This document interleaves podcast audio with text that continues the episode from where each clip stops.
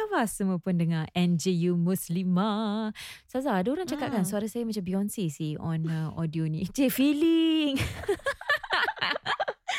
Apa khabar semua? Nama saya Nadia Amdin dan tadi Ustazah tu yang dah ketawa, suara nyaring tu nama dia lah Ustazah Syamim Sultana. How are you. Ustazah my love? Alhamdulillah, I'm fine. You're How are you, fine? Nadia? I am so very good. But Ustazah, before I forget, ah, we just continue. This podcast hari ini eh, is a, di, eh, nak cakap dalam Perancis lah eh.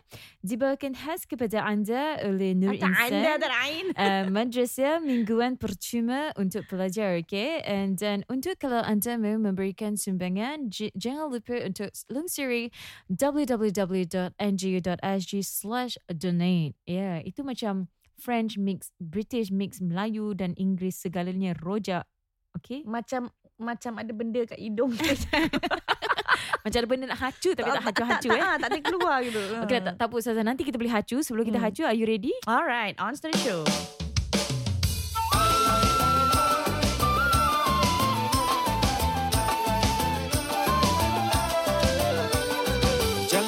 Jangan malu, marilah mendengar NGU.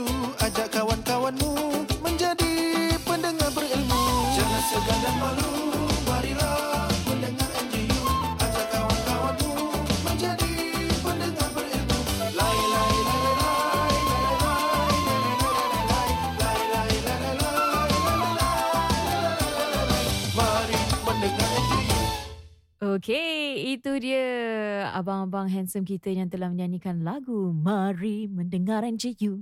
They should do a woman version sih Ustazah. Dia macam at least kita kat belakang tu kalau tak boleh nyanyi pun nada tak sedap kita boleh macam main Tu marakas suara you dah kata macam Beyonce tu. Ya, Silakan. ayat betul lah. Tadi Hmm. lupa nak hacu. Okay, hacu. Okay, dah lah. Dia macam continue. Okay, wow. Ustazah, topik apa kat kita nak berbual pasal hari ni? Ustazah, Hmm. how, how, how do you receive the news Ustazah bila government tu telah menjatuhkan the new ruling of five people for raya. Kau jangan nangis eh. Uh, Your family four, you know.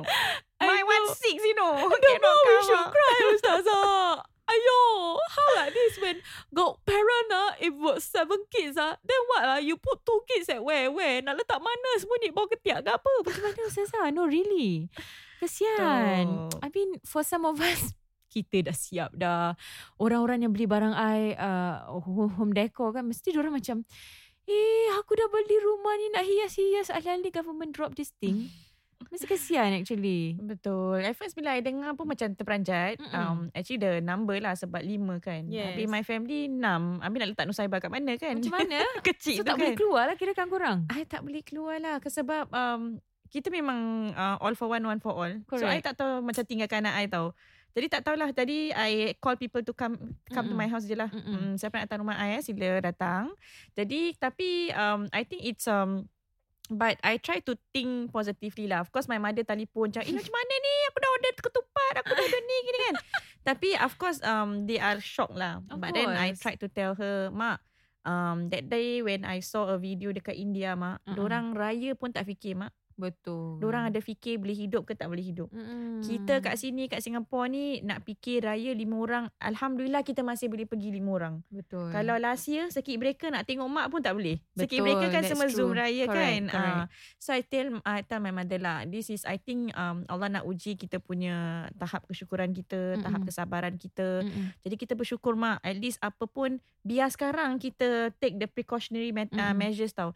Nanti kalau dah lambat Hmm, raya pun berapa tahun pun dah tak dapat lagi. Uh-uh, nanti Mm-mm. bertahun-tahun lah kita tak dapat beraya ya. Betul. That's true. But I think okay lah. Alhamdulillah. Dia, uh, I'm happy actually that they take this uh, action dengan secepat mungkin. Mm-mm. Mungkin ada yang merajuk Ustazah Ada juga yang cakap Alah ini semua bedek lah Tak nak kita raya lah Tak kasi kita raya Tapi tak lah I rasa macam InsyaAllah Diorang tu tahu apa yang uh, Mereka lakukan Dan ini semua mungkin Hmm. terbaik untuk kita kan Tapi tak apalah Kita syukur je At least we still are able to receive five guests in our Betul. home Jadi kalau you tu Mm. Tujuh lapan orang satu family Macam I dah cukup lima Mm. Campur bibik kan Mm. Jadi uh, I told my family lah macam ni lah Kalau kita nak take turn jumpa mak Okay apa kata kalau Mak datang sini Habis macam one guest have to stay Mm-mm. Habis kalau mak seorang stay And then adik-beradik lain boleh jumpa Habis kita take turn lah macam itu Tapi Ah. actually saya tak tahu ni The new ruling ni sebenarnya Is it macam satu hari boleh satu family sahaja you boleh visit Ataupun dia boleh stagger ni Apa yang I faham adalah kita as a visitor, Ha-ha. kita boleh pergi dua rumah. Ah. Ah, tapi kita as a homeowner, kita boleh receive satu hari kota kita lima orang je. Alkisah Ah. maksudnya tak boleh stagger guest. Satu hari lima orang nak ke apa, tak timetable pun tak boleh. ah, tak boleh lah. Ah, Kira kan macam satu family dah. Okay, raya aku dah habis. Dah boleh tukar baju Ah. butterfly. Dah boleh tukar kain sungkit dah segalanya. Betul. Oh, yeah. I Hmm. got so many baju raya. So what to do now with it? Nama you can give me pampas to Ah, that's true, that's true. oh, Itulah. boring. Itu tadi baru, baru berbual dengan my mother. Lepas tu dia kata macam mana ni lima orang je. Macam mana dah saya tak apa mak. Malam raya nanti I buka your house. Mm, mm, mm. Dah consider raya apa? Correct. Ah, jadi malam raya I datang. Nanti the next day kakak I pula datang. Ah, jadi macam kita give and take lah. Tak Hmm. Oh, boleh macam we true. try to we I I really believe that um tak apalah kita adjust macam uh, the the saying goes eh John Maxwell kata apa the optimist um and the the pessimist complain about the wind the Mm-mm. optimist hope for it to change tapi the leader change the sail Oh, very philosophical. Ah, Ustazah. belah philosophical. Jadi kita change the sail lah. Kita macam jangan duduk. Kita nak whine and complain. We can. Correct. But at the end of the day, we know it's for the good. Kita Mm-mm. nak fikir, oh kenapa ni sengaja ni tak nak raya ke apa. I think kalau kita allow raya to happen, it, things might get worse also. That's true. Ah, jadi we do not want to go to that phase. So macam, why not kita just apa tu take precautionary measure. Mm-mm. Yang penting mak bapak kita pun sihat. It's good for our parents also tau. yeah. Our parents dah tua. So macam nanti orang more macam boleh ada infection and all that Mm-mm. right. So it's good for them. So I think senang. Tapi I happy juga. Mm-mm. Dulu kan I satu hari pergi 14 rumah tau. Are you serious? I am serious. Macam mana? Ah, I tak How you tahu. manage? So per house how many? How many? How? how eh tak boleh berbual aku dah. per house berapa minit you spend? I dah daripada tak lah tak berapa minit lah satu jam satu jam satu jam gitulah satu jam lepas tu pergi the next house some houses we spend a bit more time sebab solat some houses gitulah tapi kita pergi uh, about 14 houses uh, the first day hmm. Ay, wow, saya sangat-sangat terpegun dan saya sangat impress. saya tak pernah jejak lima hari, lima rumah sehari. Tak Oh, pernah. okay Because um, saya tak suka nak rushing. That's number one. ah. Dan saya tak suka nak macam uh, meleceh-leceh. Macam, eh, okay cepatlah. Lepas ni nak kena pergi, nak pergi, nak pergi, nak pergi tu. I don't Ah, like. I like okay. to just, sebab dia ni I ada 16 adik-beradik Allahu Akbar. Jadi my mother ni orang dia dia very friendly tau. Jadi semua orang kenal. Jadi kita pergi. Jadi we try to cover tapi as I, my kids ada dah ramai kan. Kita Mm. try to dah macam um, satu hari mungkin 10 rumah, 8 rumah. And we are happy doing that 8 rumah. Kita start lah Wow. pukul 9 pagi lepas solat tu kita dah start. Dah start Hmm. all the way. Satu hari yang pertama lah. Tapi Kalau ada other days will be like five five houses, six Hmm, houses gitu. mm, Dan kita spend a bit more time at the house. Tapi mm. uh, tapi I rasa ada hikmah. Tapi sekarang Mm-mm. macam gini kan, I rasa ada hikmah. We can spend more time in the one Correct. house. And then the next thing is, uh, you know with kids and all that cranky, mana Correct. dia nak tukar pampers lah, mana Yes, nak tidur. By yes. the time 4-5 o'clock kan, kita dah, dah, dah macam nak dah balik. melekit tau. Uh-uh. Badan dah melekit, dah Ya, apa. ya, macam, ya, alamak, ya. I, I don't have the mood for raya anymore. Correct, I just want to go back home and wash up. Correct. So I think this is a very is a blessing lah. Kita spend more time, you know, chill. Lepas tu raya pun I think um actually the raya ni semua culture kan. Uh-uh. Ah, kita pergi pakai baju lah, pergi rumah orang lah. The real raya is a raya of kita nak celebrate we have we have gone through 30 days of you know fasting. Mm-mm. Kita dah bersihkan hati kita. Ah, that's the real raya. So maybe this is a a time when Allah nak didik kita lah. Ni Mm-mm. raya ni korang asyik raya, cara korang je. Ustazah, I rasa uh, memang nasib baiklah suami I ni bukan jadi suami you. Nak tahu kenapa? Kenapa? Kalau Bilal is your husband Ustazah, Ah. uh, Ustaz jangan marah eh. Eh, eh Ustaz, Ustaz, husband mana you, pula Ustaz, ni? husband you siapa nama? Hadi. eh? Hadi. Ah, Tuan Hadi jangan marah. Saya main-main je. Tapi you nak kena dengar ni Tuan Hadi.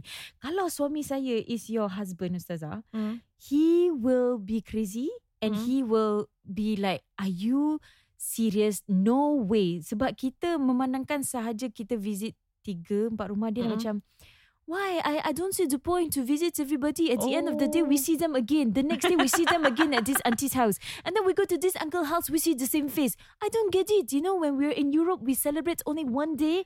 Everybody Hmm. gathers with lots of food. And that's it. That's the Mm. that's the Mubarak, you know. Today you see this face. The next day you see this face at the east side. The Mm. east side you see the same face at the west side. It's all the Hmm. same. Hmm. Then dia macam tanya, what's the point? I, then Hmm. saya macam, it's culture. It's culture. This is this is not religion bila. Don't don't get yourself confused. It's Hmm. culture and uh, this is the reason. Jadi kalau dia suami ustazah, saya tak tahu lah macam dia nak handle 14 rumah ya. Uh, sebab apa mungkin culture difference, difference of culture. Correct. Ah, dekat Mesir pun satu hari je. Hmm. Ah, kita lah orang Singapura, orang Malaysia, orang Brunei, orang Indonesia yang sibuk-sibuk nak pergi raya tau. The rest Kan? orang Mesir satu hari dah kelas. That's, that's why. Tapi what he say has a point. I mean, uh, me and my husband, uh, we are both Indian. Hmm. So kita macam, we are both have very big families tau. My wedding je ada berapa orang? 2,400 semua orang my mother invite.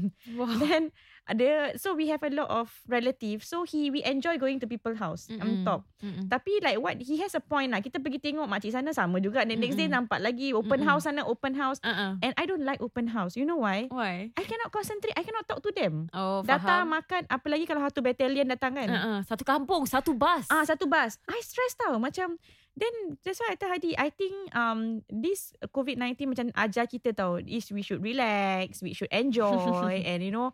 So I think um Bilal will be very happy. Mm-mm. Betul tak? Ah. He is lah Ah. actually to be Ah, honest. Dia betul. macam, Yes, Yeah, yes. dia macam Okay lah miss today one one day only lah we can raya. And I say yeah somehow yeah yeah yeah. I know you're happy. Oh, one right? day Good on only you." raya. macam gitu. Dia macam selagi dia nak negotiate dia boleh ah dia boleh lah tu dia nak negotiate. Tapi okay lah alhamdulillah Bilal is very uh, adaptable ya ustazah. I must say he's very very adaptable di mana macam kalau kita dia uh, semua makan pakai tangan dia dia memang suka makan pakai tangan. Dia Mm-mm. prefer untuk makan pakai tangan Mm-mm. daripada makan sudu garpu walaupun dengan sambal pun he he likes to use hand. Habis macam Walaupun dia at first in the beginning tu dia tak boleh duduk uh, bersila on the floor because he's not so orang kata tu uh, flexible Mm-mm. tapi selepas macam dia dah solat and everything practice so alhamdulillah now he can tapi dia masih Mm. belum complete lah boleh on the floor fully dia masih mengangkat gini macam ni tapi okay lah he's very adaptable and Mm. alhamdulillah I'm very very very blessed ustazah Betul. Mm-mm. Tapi tak apalah alhamdulillah kita punya walaupun itu culture, I think this year we can do it um you know with less uh, waste wastage of food eh. correct Kadang dah makan rendang, dah makan ni, pergi rumah ada next one, makan lagi sama. uh-uh, betul Makan lagi sama. Lepas tu yang penting besok memberut. Because you eat everything so much right? Mm-mm. Okay lah Ustazah, sebenarnya apa Mm-mm. agaknya topik kita pada hari ni? Ah, Mm-mm. we're gonna talk about this uh, viral video, okay? Tapi sebelum I uh, touch about this viral video, I pun nak cakap dengan you all lah. Dat sebenarnya, apa kempen yang sedang viral ni you all? Kempen Nur Insan lah yang sedang viral ni. Ah, jadi jangan lupa, kita ada lagi dua hari untuk sumbangkan your donation to Nur Insan. Ya, jadi kalau you all nak uh, lunsuri, you boleh ke www.nju.sg slash donate. Okay, jangan lupa kita ada lagi um, dua hari lagi dan um, we are still in the last 10 month of Ramadan dan um, mungkin kita belum temu Lailatul Qadar, you never know. Jadi kalau you donate pada hari today ke atau tomorrow ke siapa tahu, it could be the day so you never know. Okay, terima kasih you all. Itu je nak remindkan you. Alright, Ustazah, let's move on to our viral video. Mm. Ha ni ni ni ni ni. Anya ni ni ni makan macam ni. Korang ni berapa ni rukun Islam ni nak itulah dia Ustazah viral video dia. Have you seen that video? Aku baru tengok. Baru okay actually Ustazah um Personally kan Ustazah I'm not that kind of person Di mana kalau saya rasa Macam saya nak menegur Seseorang tu Mm. Saya akan go to social media Mm-mm. Okay some people Unfortunately Dia rasa macam Dia ada power Kalau dia nak menegur Seseorang tu dari segi social media. Dan to Mm. me kalau gitulah niat dia, sebenarnya niat dia dah terbantut. Dah Mm. salah. Mm-mm. Dia bukan nak menegur, dia Mm-mm. nak memalukan Mm-mm. dan juga dia nak menjatuhkan atau or rather nak membuka aib uh, Mm-mm. seseorang Mm-mm. itu. Mm-mm. Dan kalau kita melihat uh, sebuah uh, video yang sedang viral dan mungkin I tak tahu lah hari ni masih tengah viral, uh, kita lihatlah ada seorang wanita ni uh, dia uh, men, uh, apa tu download uh, she uploaded a video of uh, dia rakamkan sebuah video di mana there's a group of Indonesian ladies yang uh, memakai tudung hijab dan uh, of course akui orang sebagai seorang Islam yang makan di sebuah uh, coffee shop Saza tetapi uh, ada di antara satu di antara mereka yang uh, didapati bahawa mereka makan makanan yang tidak halal daripada kedai orang Cina Saza. Jadi this lady she was very very angsty, very angry, very macam to me very attacky lah. Macam tadi Ustazah tengok kan. So actually what's your opinion Ustazah? It, did she do the right thing? Because some people on the comment say, Alah, if she never tegur, then who else is gonna tegur? To me, it's still no. Kau nak tegur, kau tegur behind closed Oh, doors. ada orang komen gitu. Ada orang komen. In Hmm. fact, ramai yang komen macam tu Ustazah. Hmm. Ramai supported her. But there were also a, a fairly group of people who supported like uh, to tell her you shouldn't have done this especially in the month of Ramadan. Mm, mm. You know, so actually what's your take on this? Okay, uh, terus terang I know there was a ra- viral video tapi tak tak pernah nak cari and on. Baru tu lah baru baru cakap dengan I baru nak tengok ni. Mm-mm. Lepas tu um when I saw the video, actually I was quite um shocked lah. Uh-uh. Okay, um it's um it's something that can could be prevented. Okay, Yes. kalau kalau nak nak nak fikirkan orang nak ambil video nak apa tu uh, upload upload, I can go around now and upload. Mana mana mana I go around upload sana, upload sini, upload sana.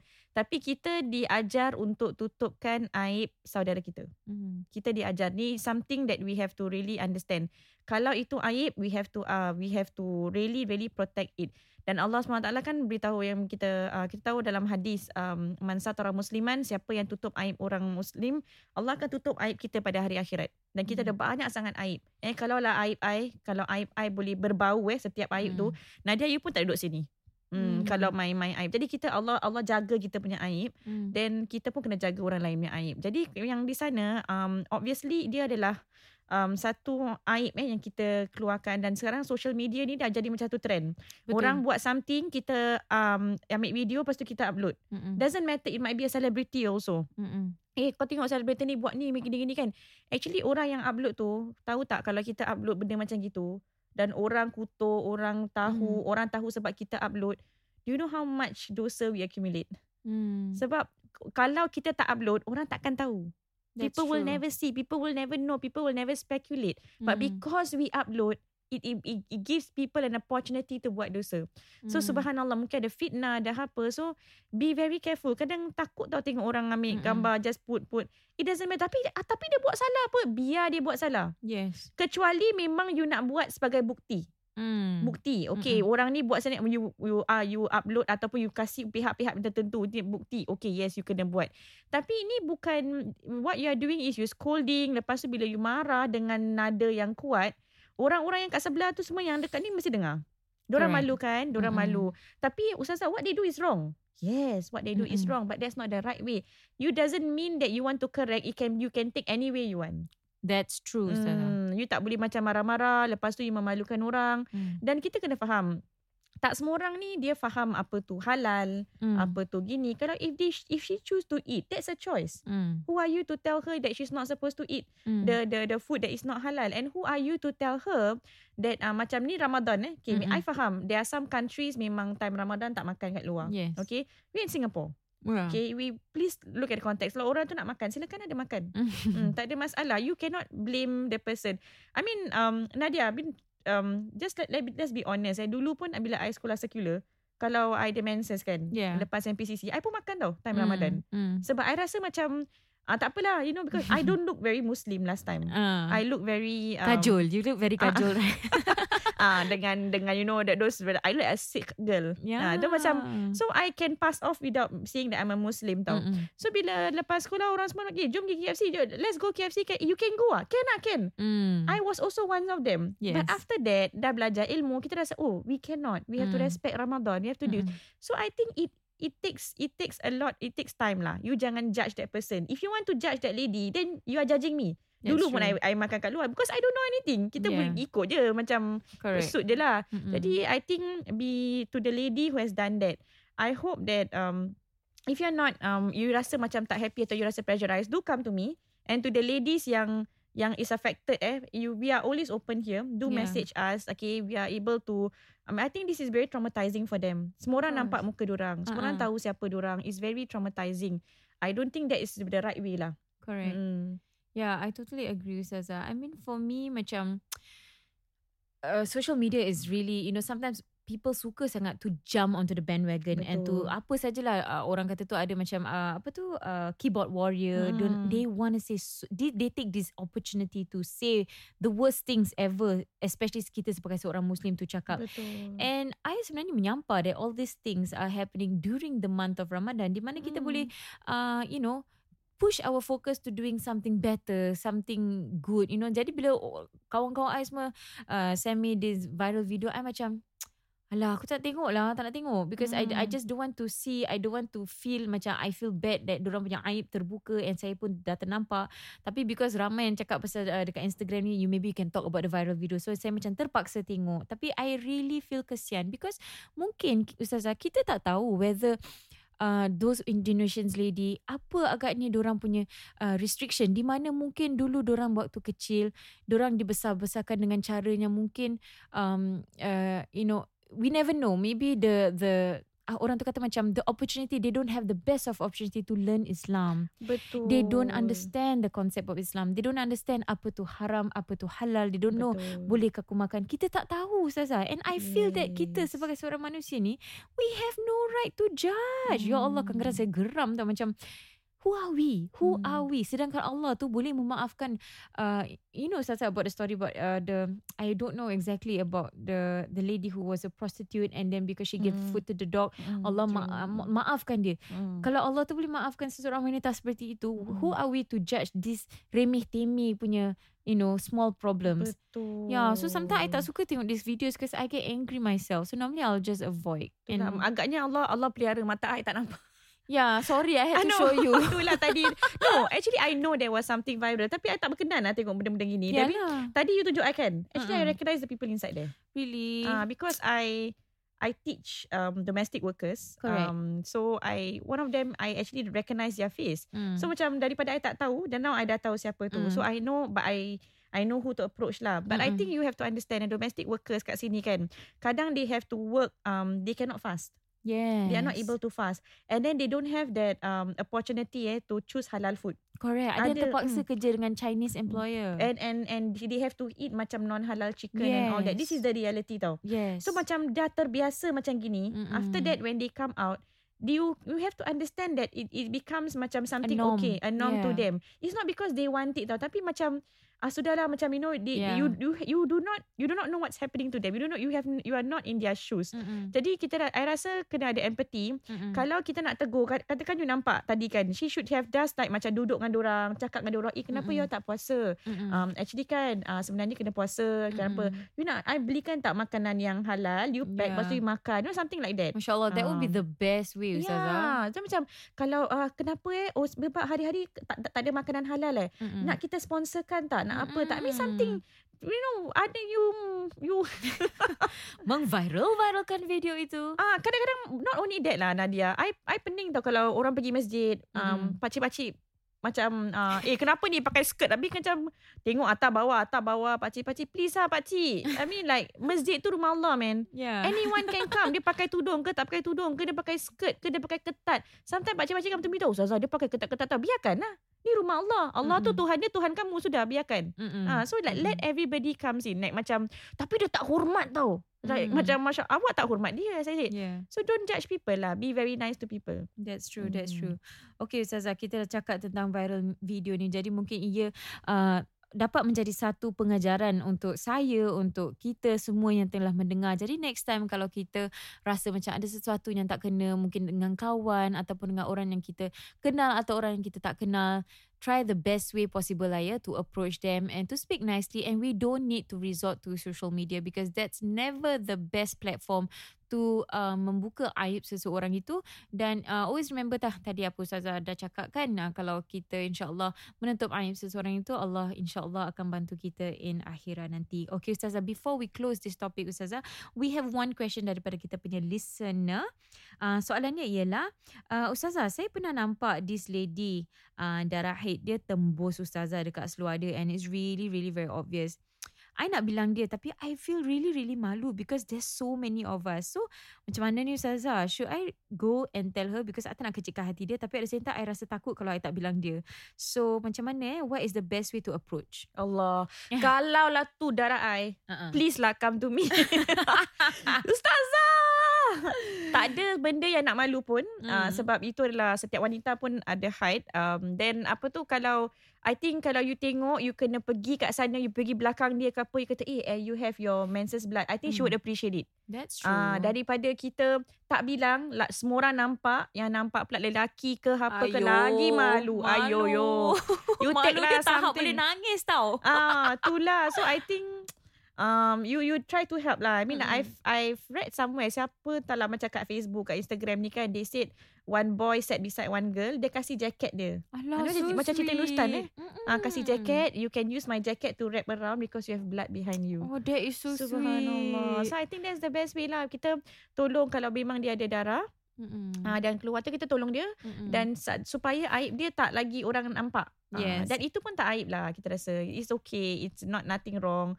Dan kalau kita nampak kawan kita pun ada najis apa-apa pun, kita Mm-mm. jangan macam mengaibkan. It can Mm. happen to us also. Mm. Actually, um, it's very true, Ustazah, because this has happened to me before. Dan ini to me lah is very memalukan. Tapi saya sangat-sangat menghargai apa uh, lelaki tu telah lakukan uh, dekat saya. Because saya, uh, waktu tu saya kerja di Fox Sports. Mm-mm. I was a newscaster for uh, FSN, uh, Mm. Fox Sports News.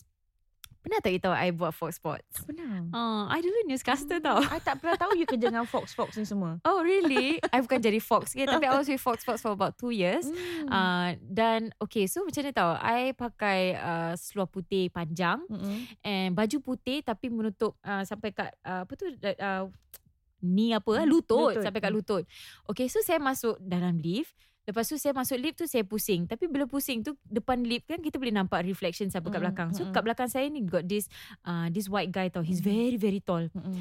Very tall Habis saya macam Okay lah uh, Just smile okay Lepas tu saya tengok mata dia Tengok bawah Dalam hati aku Eh kau eh Nak tengok apa ni Macam saya macam Feel very macam angry tau Saya Mm-mm. macam nak tengok dia Macam Look up You know why Mm. What are you looking at Sekali sebelum saya keluar Ustazah Dia tap saya punya shoulder Dia cakap uh, Excuse me I'm sorry I don't know you but uh, I need to tell you something. Tu saya dah macam alamak seramnya kenapa ni? Belum kahwin lagi, belum kahwin lagi. So saya dah macam alamak kau nak kenal dengan aku ke? Kau nak uh, get to know my number ke? Sekali tu pam pam pam. Um, I think you have a stain at the back of your pants. Terus saya macam bam. Mhm. Macam oh um thank you very much. Thank you, thank you. I really appreciate that. Sekali saya tak jadilah. Tak jadi on duty. Saya cakap dengan saya punya producer. Um, uh, siapa nama dia? Mike. I say, Mike, sorry. I'm going to be a little bit late. I'm going to go off to the toilet. Saya pergi toilet, Stazah. Mm. Dia dah macam, uh, Mekah-Mekah mewangi. Dia macam Singapore flag. Dia dah macam map, tak tahu lah apa. Uh-huh. Map, dia dah macam bunga villa ke apa. Saya tak tahu, bunga mekar. Um, ya, terus saya macam, alamak malunya aku. Lepas tu saya nangis. Because I was so embarrassed. Because I will always see this guy at level 3 Sebab dia Oh. one of the producer Dia akan edit itu tau Dalam hati aku macam Aku tak nak lagi jejak nombor tiga tu Saya tak nak jalan depan dia ever again tapi I took the courage The following uh, few days Saya tersempak dengan dia lagi Saya actually bought him a chocolate Uh-huh. Saya cakap Hey uh, just bought you a chocolate Just want to say thank you so much For the kind gesture You know If it wasn't you Who told me I don't know who would have And I would just have not known about it Mm. Ha, jadi kepada semua, tak kisahlah kalau you lelaki ataupun you perempuan, uh, mungkin kalau lelaki ada caranya lah kan nak tegur. Mm. Actually, macam mana eh, the best way to tegur? Macam tu lah kan, just very subtle. Ah, macam gentleman, macam cakap je. Macam Mm-mm. um, go Maaf to you. eh. Ah, maaf eh, ada ni. Mana tahu dapat coklat lagi lepas ni. Jadi tegur je, tak tegur je dapat coklat. Uh, Ah. itulah. Boleh lelaki pun um, I think can. But I think that time you muda kan. Kan kalau young. kita bila muda macam tengah teens atau 20s kan, kita macam malu tau. Mm-mm. Nanti kalau kita dah mak-mak ni dah tak kuasa. Darah Betul. ke apa ke beranak ke darah? gasak ah. Ah, ada tai. Ah, tak, eh, tak kisah. We are so used to Gadget. all this. So tak tak lah Tapi bilang lah Kalau kawan-kawan you ada Lelaki pun jangan Segan silo cakap Hmm. Dengan this one I, They will appreciate Of course Of Hmm. course dia akan malu lah dulu Betul. Ah, Takkan lah tak, Oh ya ada eh. Ambilkan gambar Ambilkan gambar Tak ada lah kan Mesti Ambilkan malu selfie, ambilkan selfie. Eh, melampau eh. Okay lah, dah lah korang ni meripik-meripik pula kita berbual eh. Hmm. Okay, but yes, uh, insyaAllah dengan uh, cara apa saja yang kita tegur tu, kalau kita punya niat baik di mana uh, kita nak uh, memperbetulkan uh, situasi, insyaAllah Allah akan bantu kita dan uh, always find the best approach, the best way to meneguh kita punya saudara mara, punya kaw, kita punya kawan, kita punya sesiapa saja yang kita tak kenal, it doesn't matter. Okay, oh Ustazah, just one last uh, bonus question sebelum kita akhiri kita punya topik pada hari ni. Mhm. Orang ni tanya, Ustazah, what is the best and easiest way to mandi guzul dan mandi hadas? Sebab rambut I panjang. Mandi ghusul dengan mandi hadas Apa bezanya Ghusul tu mandi Guzul. Ghusul Itu dah macam French eh Ya. Mandi hadas tu adalah bahasa bahasa Melayu lah yang kita pakai kan mandi hadas. So Hmm. ghusl is mandi actually, okay? So um Actually, uh, uh, mandi selepas bersuh tubuh is apa? Mandi apa? sama. It's the same. It's the same thing Allah, man. okay. Uh, mandi ni dia ada Mm-mm. banyak-banyak hukum. Dia ada sunat, mandi macam solat uh, ma- mandi Jumaat, Mm-mm. mandi solat raya kan, mandi raya, semua all these thing is uh, sunat. okay. Mandi wajib is after your menstruation, after your postnatal bleeding, after uh, sexual intercourse, after orgasm, Mm. after ejaculation, all Mm. these are called mandi wajib. Hmm. Mandi hadas besar, angkat okay. hadas besar. Very simple. She, she asked for the easiest way, Yeah, right? the easiest way. Easiest way three things. Number one, make sure you dah istinja, you dah go and pass motion, pass urine, you dah cebok semua bersih. Okay. Okay, number two, um, niat. okay. Saya nak niat angkat hadas besar. Okay. Okay, niat angkat hadas besar. This niat goes for all. That means you lepas bersetubuh ke, lepas menses ke, you can just say niat angkat hadas besar. Nak mandi, nak saya nak mandi, um, apa tu mandi niat, na, niatkan saya mandi untuk angkat hadas besar. Hmm. Itu sahaja. Lepas tu yang ketiga, make sure the water go through or go not go through eh. the water reach every part of your body, all your skin. Okay. That means kepala lah, scalp lah, belakang telinga lah. Ah semuanya lah. Ah dan mana or everywhere lah, everywhere at your body, that's it.